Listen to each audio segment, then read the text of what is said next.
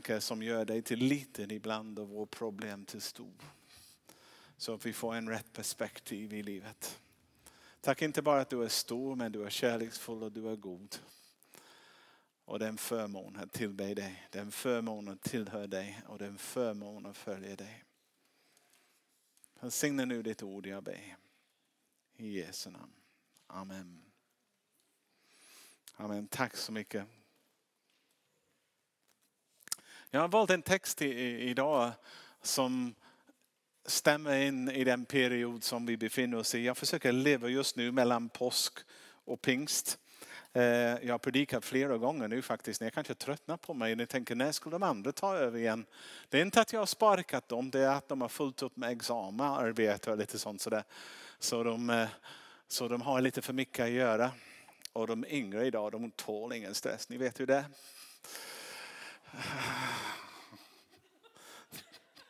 Sorry, I couldn't resist it. I had to say that. Nej, eh, jag har full förståelse faktiskt när man skriver uppsatser och sånt. Så det, det, det, det är svåra grejer att göra. Men jag, jag lever, lever, i den, den, den, de bibelberättelser och, de, och jag har svårt faktiskt att även om förstå hur kunde de som har umgicks med Jesus så länge ändå missa så mycket och vara så ostabil bara för att de kom in i en förändringstid. Eller jag ska säga det var en ny fas, eh, en som skulle komma in i livet. Och, och det mer jag tänker på det, det mer jag har fattat faktiskt att det är de övergångar i livet från en period till en annan som är det mest farliga. När vi är mest utsatt för att tänka lite dumt ibland. Eller, eller vi tappar fotfästet. Eller kan falla. Och det finns en bibeltext som är väldigt bra om detta. Och det är taget från eh, Predikarens bok. Det är i Gamla Testamentet. Eh, lite efter ordspråksbok där du kan läsa. Då. På engelska heter det Ecclesiastes. Det är jättesvårt att säga. Men på, på svenska kallas det för predikaren. Och i kapitel 3 från vers 1 till 8 ska jag läsa. Ska vi läsa? Det står allt har sin tid. Det finns en tid för allt som sker under himmelen. En tid att födas och en tid att dö. En tid att plantera och en tid att ryka upp. Det planterade. En tid att dräpa och en tid att hela. En tid att riva ner och en tid att bygga upp. En tid att gråta och en tid att skratta. En tid att sörja och en tid att dansa. En tid att kasta bort stenar och en tid att samla stenar. En tid att ta i famn och en tid att avstå från famntag. En tid att söka upp och en tid att bort. En tid att förvara och en tid att kasta bort. En tid att riva sönder, en tid att se ihop. En tid att tiga och en tid att tala. En tid att älska och en tid att hata. En tid för krig och en tid för fred. Allt har sin tid. Och den är skriven av kung Salomo, den här boken. Och det är en del av hans vishet och jag tycker det finns mycket vishet i det. Det finns olika tider i livet, eller hur? Eh, och det hör till. Och det hör till livet. Livet är fyllt av förändringar. Och det är dessa förändringar som gör livet egentligen. Är inte livet om inte något annat än resa genom tiden? Och det beror på vilken kultur du, du tillhör. Men vissa kulturer de räknar inte med klockan, de räknar med händelser. Och det var den tid eller, eller då. Alltså. Men de olika saker som inträffar genom livet, de hör till livet. Och om vi varken vill eller inte vill kommer vi att möta förändringar och gå in i olika perioder. Eh, jag tänker bilder som man kan använda som en bok när du läser. Det finns olika kapitel. kapitel. Och det sa jag med ditt liv och med mitt liv. Vi har en, typ en bok under Andrews tid när han var där eller där eller där i den fasen i livet. Och sen när man är slut med en kapitel då börjar ni. Och lite grann sådär. Och jag tror att det hjälper som vi kan se också vårt liv på det sättet. Men en bättre bild för mig, och jag vet inte om ni har gått på teater. Tänk att jag som predikant kommer jag säga gå på teater. För några år sedan det var den värsta synd som fanns att gå på teater. Men eh, en teater är en väldigt bra beskrivning för det finns en scen där. Och du lever in i det, sen plötsligt eh, kommer, vad heter det, Kus. kulisserna plötsligt ändras och man befinner sig i en annan scen. Och teater förflyttar dig från en period till en annan eller en sammanhang mitt i en annan. Och jag, och jag tycker livet är lite grann som en stor pjäs. När, när man, man befinner sig i en viss period och sen plötsligt boom, är det scene change. Och sen kulisserna flyttar på sig och plötsligt man befinner sig i en helt annan miljö. Och då börjar en annan period av livet. Och så, så kan man se det tycker jag och det hjälper oss att göra det. Och eh, hur vi agerar, hur vi, hur vi tar till oss de här bytena eh, kan ha avgörande betydelse för om vi skulle må bra eller må dåligt. Rädd för dem och håller borta eller om vi tar till dem oss och, och, och, och gör det. Det faktiskt påverkar oss enormt. Och vissa kan betrakta en senbete som en kris. Andra kan betrakta dem som eh, en möjlighet. Och de har alltid en möjlighet men de kan kännas och upplevas ibland som kris. Jag kan tänka på det, bara så vi landar på samma, samma blad. Eh, att byta skolan. Jag vet inte, ni har mellanstadiet och högstadiet och gymnasiet är lite grann som det. Jag har, jag har aldrig varit i skolan i Sverige. Jag kom till Sverige när jag var 30 år.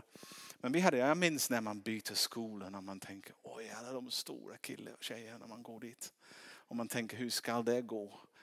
Och, och sen när man byter igen till nästa plats och lite sånt. Så kan det vara. Jag flyttade hemifrån. Det är enormt senbete för oss när vi lever. Första gången jag flyttat hemifrån. Jag minns jag var 19 år när jag bestämde mig för att jag ska eh, flytta hemifrån. Jag bara sa till min mamma och pappa en kvällsmat. Ja, förresten på fredag kommer jag flytta. Min mamma gick i kris. Det gjorde inte jag. Jag, jag, jag tänkte inte ens på det. Men eh, när jag hade hyrt mitt rum och så, ja, det känns lite ensam och lite konstigt tänkte jag. Och det var lite anpassning till den nya. Och sen efter två veckor visste jag flytta hem igen. Men eh, sen finns det stora förändringar i livet när man gifter sig till exempel. Då måste man tänka på någon annan. Eller man måste, man kan inte sluta tänka på någon annan därför där man gifter sig. Men det är en ny typ av livsförhållande. Och du tror att det är en enorm förändring till du får barn och sen du märker att det är en paradigmskift. Det är så enormt den skiftet. Så, så att eh, man tänker oj, oj, oj. Och man har svårt efter några år med barn. Man, man, man kan inte komma ihåg hur det var utan dem. Och hela ditt liv revolverar runt dem egentligen. Och sen kommer den stund när de flyttar hemifrån. Och jag minns när min fru och jag vi köpte en ganska stort hus i Stockholm när våra tjejer, vi hade tre tjejer, började bli tonåriga. Vi tänkte men nu har vi några år med många kompisar runt. Och sen en av dem sa jag ska gifta mig, den andra sa jag ska gifta mig, den tredje sa att jag ska gifta mig. Och plötsligt var alla borta. Och vi sitter där i ett stort hus och vi tittar på varandra. Oh, vad nu? Typ? Vad händer nu? Och då börjar en ny fas i livet när man tänker vi behöver inte det huset på den storleken och, och börjar byta lite sånt sådär. Men det var en förändring. Men sen kan det vara också en förändring när man går i pension, byter jobb. Alla känner, vet hur det är att starta en ny jobb eller hur det gå. Man tänker oj hur ska det? Man känner sig trygg på din gamla arbetsplats och sen plötsligt hamnar på en plats med en massa andra människor. Och det pyrar i magen lite. Kommer jag klara uppgifterna? Eller hur ska det gå till? Kommer det folk som gillar mig eller inte? Och sen går det. Så man kan vara pensionär också. Och andra. Men sen finns det de, de bitar som inte är så roliga. När någon man älskar dö. Jag hade en väldigt bra relation med min pappa. Jag tyckte han var världens bästa pappa och jag ringde honom varje vecka. Och han var min bollplank för massa saker och sånt. Och sen plötsligt han inte där. Och tomheten bara inom. Man tänker, men hur ska jag leva utan honom? Det finns folk som har förlorat en fru eller en man eller ett barn eller någonting. Och de är en signal, men det, det hade jag inte förväntat mig. Och plötsligt befinner du där dig i en jättejobbig sits och man tänker, hur ska i hela världen jag anpassa mig till den nya förhållandet? Det kan vara du själv också. Jag har en kompis som han krockade med sin motorcykel han bröt ryggen och blev förlamad och jag gick till se honom i sjukhuset. Och, och han sitter där och han säger han, han, han skakade när jag gick in till honom. Och jag sa, vad, vad är det? Han sa, jag har just haft läkare kom in och sagt till mig, jag kommer aldrig gå igen. Eller ha någon känsla för midjan neråt. Han säger, och han, han gick igenom en senbete som var oförväntad, oönskad. Och han måste lära sig att hantera detta. Hur ska han göra det? Eh, vi säkert, men för att kortfattat, vi säkert går igenom många ändringar i livet. Och när jag pratar, jag vet att ni tänker på de olika förändringar som ni har redan varit igenom. Och hur de har påverkat dig. Och eh, ibland blir jag lite orolig för den sista senbete också. När man vet att man ska dö. Man tänker oj, oj, oj, den kommer hur ska det gå? Man vill flytta ifrån sig den tanken. För plötsligt mitt uppe i livet flyttas allt och sen, sen står man där inför Gud och lämnat det jordiska. Men i grund och botten, vad, vill jag komma till? Jag, jag, jag vill säga i grund och botten tror jag att vi är alla trygghetsnarkomaner. Det är bara en fråga av på vilken nivå. Vi, vi har vår trygghet i rutiner. Vi har vår trygghet i, i, i saker och ting som vi är van med. Till exempel när du, ni som har kommit till denna kyrka, ni vet hur kyrkan ser ut, ni vet ungefär hur, hur vi är som är här. Och ni, ni känner igen er på det och det känns bra.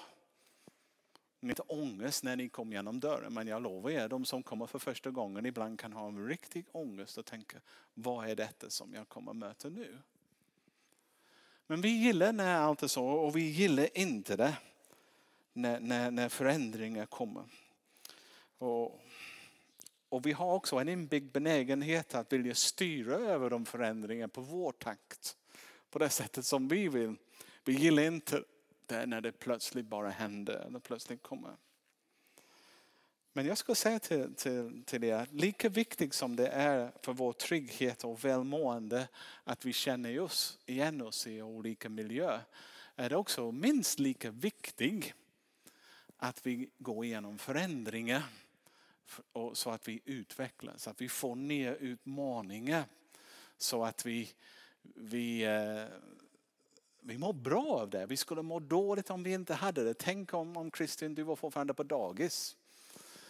Mean, du, du, hoppar, du får fram det som, som en fullvuxen man som går till dagis och leker med barnen varje dag. Någonting är fel.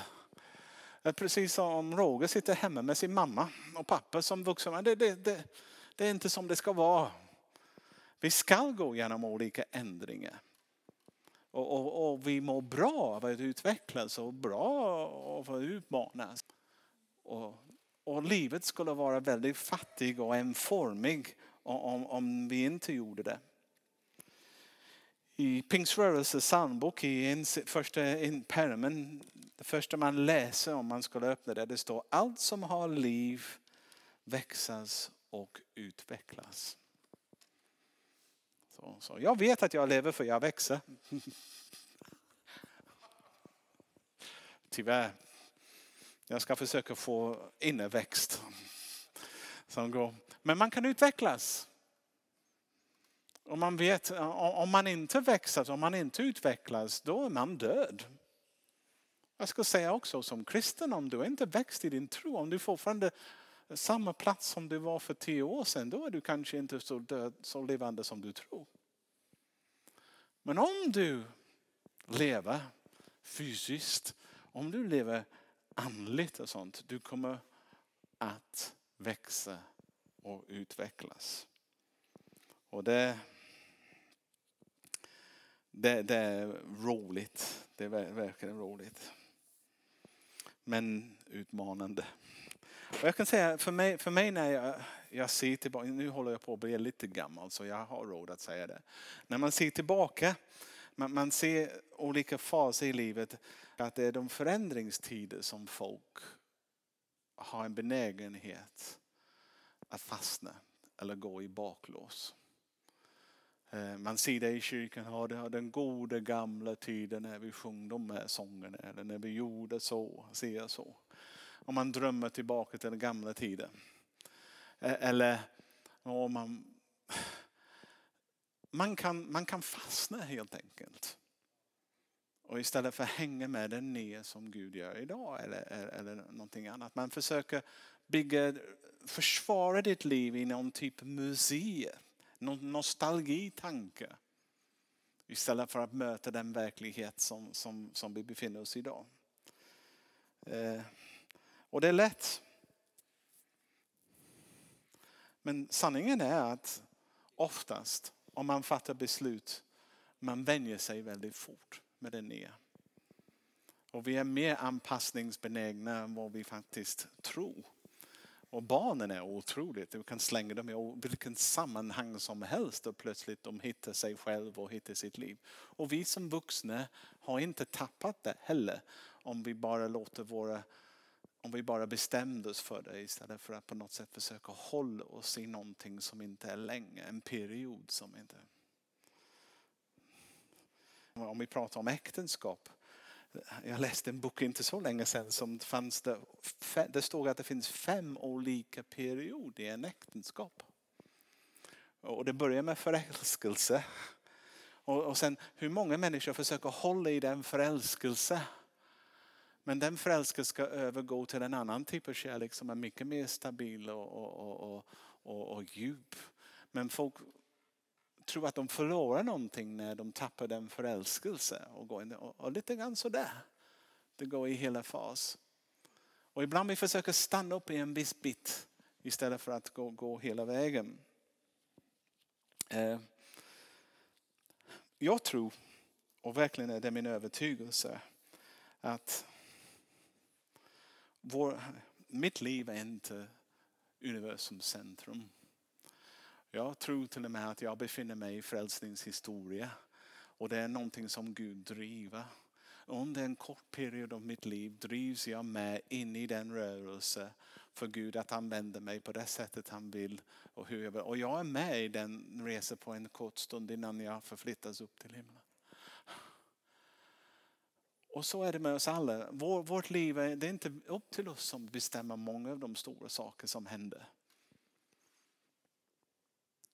Men det, det, är upp till oss som Jesus. Och man, man säger det som lärjungaskap att följa Jesus. Det kräver faktiskt att man följer honom. Och eftersom han rör på sig, det kräver också att vi rör på oss. Och om han går i en ny miljö med oss, då måste vi hänga med.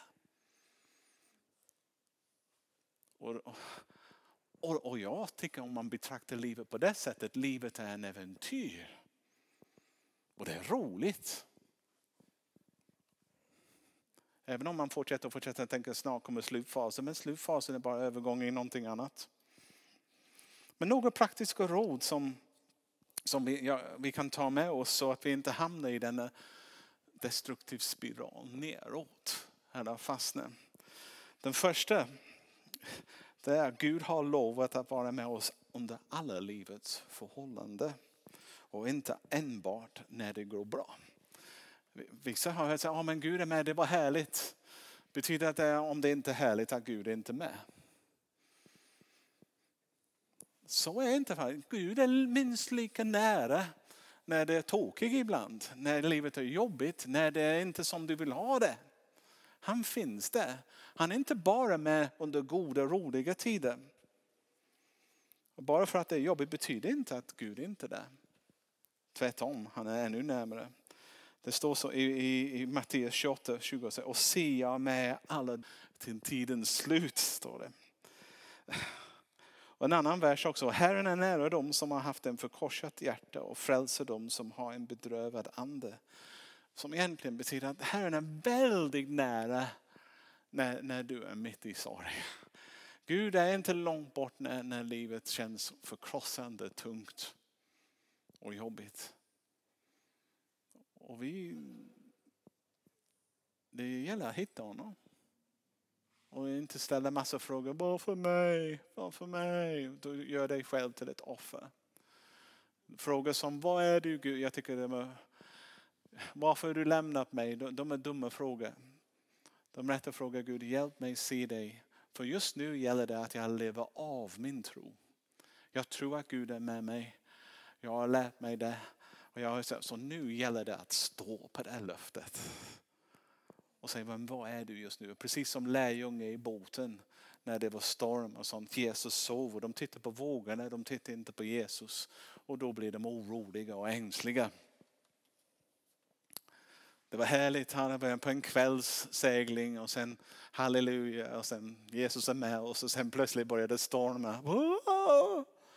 Han var lika med dem. Och det var den viktigaste. Så den första jag tänker att Gud har varit med oss och han håller sina löften. Och en av de bästa bibelverser som jag älskar är taget från Romarbrevet 8. Jag ska läsa det. Vem kan skilja oss från Kristi kärlek? Nöd eller ångest, förföljelse eller svält, nakenhet, fara eller svärd. Det står du skrivet. För din skull dödas vi dagen lång. Vi räknas som slaktefår. Men i allt detta vinner vi en överväldigande seger genom honom som har älskat oss. För jag vi som att varken död eller liv, varken änglar eller första, varken något som nu är eller något som ska komma, varken makter, höjd eller djup eller något annat skapat ska kunna skilja oss från Guds kärlek i Kristus Jesus vår Herre. Men jag tänkte, om vi är en pingstkyrka, man ska säga amen till det.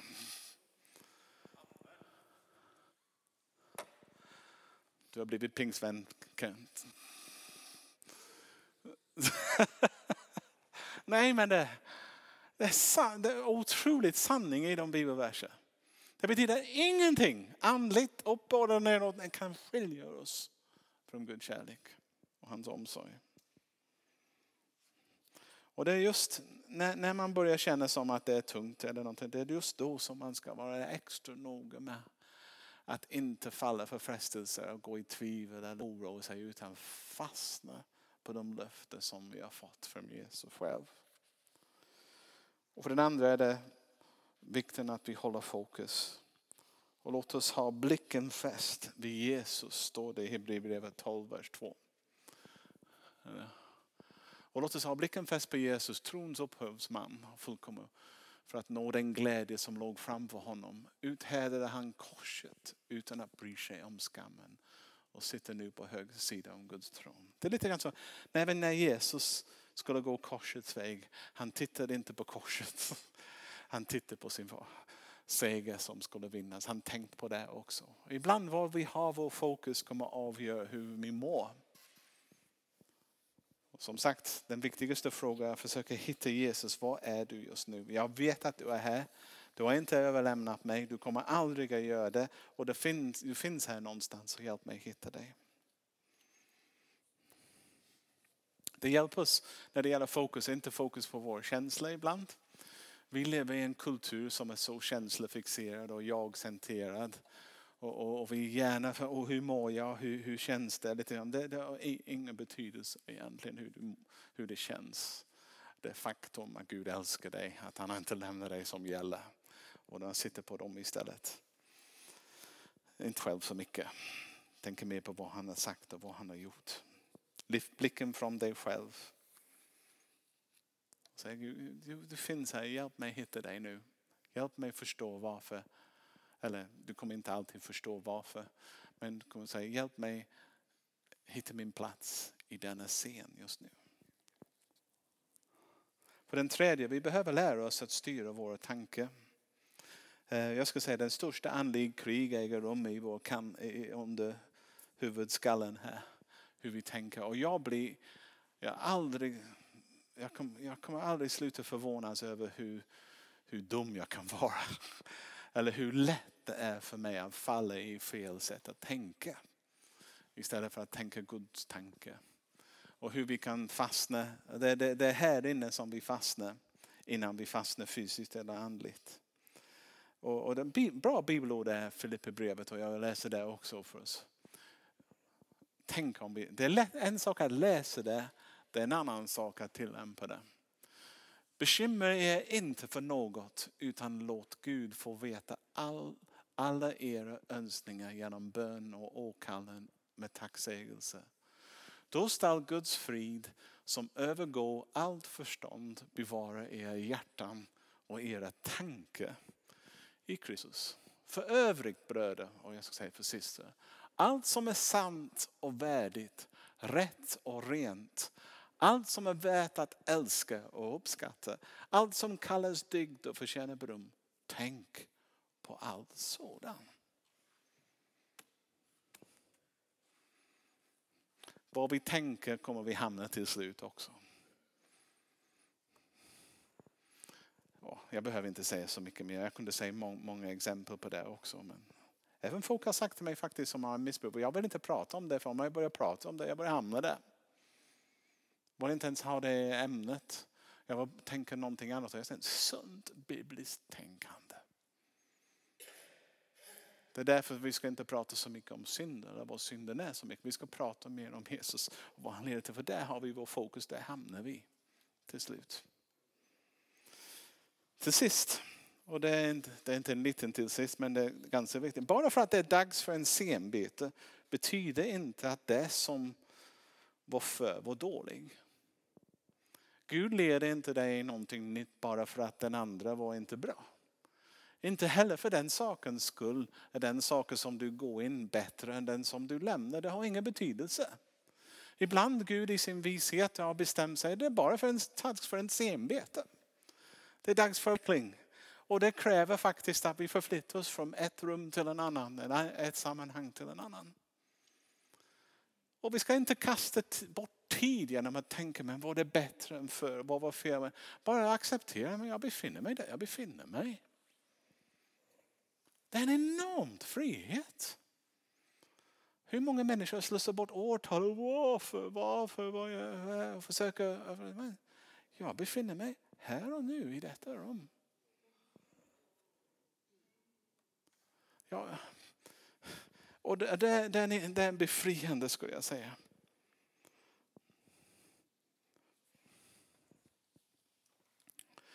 Och ibland, vi, vad, vad är jag nu? Det, det, är inte att det var bättre än Stockholm. Eller, det är bara det är annorlunda. Och den viktigaste är att jag befinner mig var Gud vill att jag ska vara. Och den viktigaste där jag befinner mig nu är att jag hittar var Gud är och börjar prata med honom. Vad, vad vill du att jag ska göra här? Eller finns det någonting speciellt som du vill lära mig? Eller hur kan jag vara användbar för dig i det sammanhang som jag är nu? Istället för att slösa bort tid. Och ibland jag betraktar senbete som, som, som gränsstenar som markerar en period. Och det är bra. Du vet om du köper ett hus i Sverige, du får en liten metallpinne i hörnet på trädgården. Det är lantmäteri som har satt det som avgör var din gräns är, ditt område som du kan röra dig in eller någonting. Så du inte går och trampar på grannens. Eh, jag tror vårt liv också har en scen, det har en gräns ibland. Nu, jag kan tänka på det på, på nu ibland. Vi ska inte längta bort från där vi befinner oss för mycket. Oh, men jag bara var i Grekland och hade en församling i Grekland. Det var hemma sonen kunde bada. Eller, man kan hela tiden önska sig bort från den verklighet som Gud har placerat dig in i. Och den är inte gränslös. Det finns faktiskt gränser. Vad jag får fungera. Det är lite grann så. Men om jag tänker för mycket tid borta från det utrymme som Gud har gett mig idag. Jag missar det som Gud har för mig idag. Och det behöver jag för jag lever av honom idag. Och samtidigt kan det vara om du tänker för mycket för den förfluten. Du kan ha en period i ditt liv som inte är så bra. Kanske den period du, du fattade dåliga beslut, gjorde dumma saker och sånt. Så det, det är bra att du vänjer dig med, jag hade den period, du lurar inte dig själv. Du säger i den perioden var det så där. Men det är så där. Och det är över. Och du tar inte det med dig in i den nya. Du tar erfarenhet av vad du har lärt dig från det in i den nya. Men du behöver inte tänka, jag är en före detta missbrukare, jag är en före detta, där, där, där, eller jag misslyckades, där, där, där, där. Jag är en, förstår du var gränsen går? Man lever. Yes. Vi lämnar saker och vi går vidare. Och det är vad de kristna kan göra tack vare vad Jesus gjorde på korset. När han tar vår dumhet, vår felsteg och han bär på sig själv. Och det ger oss en frihet att inte gå med skuld och skamkänsla. Och det är hela evangeliets kärna som vi går, yes! Halleluja. Om man tänker, hur lever folk som inte har lämnat ryggsäcken på korset? Det måste vara en ganska tung ryggsäck när man blir gammal. Uh, jag, jag, tror faktiskt det är, det är viktigt att göra rätt sak i rätt tid. Och jag tror att det finns ingen mer tillfredsställas. Man kan inte bli mer tillfredsställd än att veta att du är i rätt plats i rätt tid och gör rätt sak. Det betyder inte att du inte tittar framåt lite eller funderar, reflekterar över förfluten. Men i, i alla de viktiga saker du har lärt i, i, i vad du är just nu. Och du hittar Jesus där du befinner dig just nu. Och du ställer frågor till Jesus. Vill du använda mig? Finns det något jag kan göra för ditt rike just nu? Och landa i det. det jag ska säga, det är en nyckel till glädje. Det är en nyckel till frid. Det är en nyckel till att sömna gott på natten. Och, och, och det är verkligen en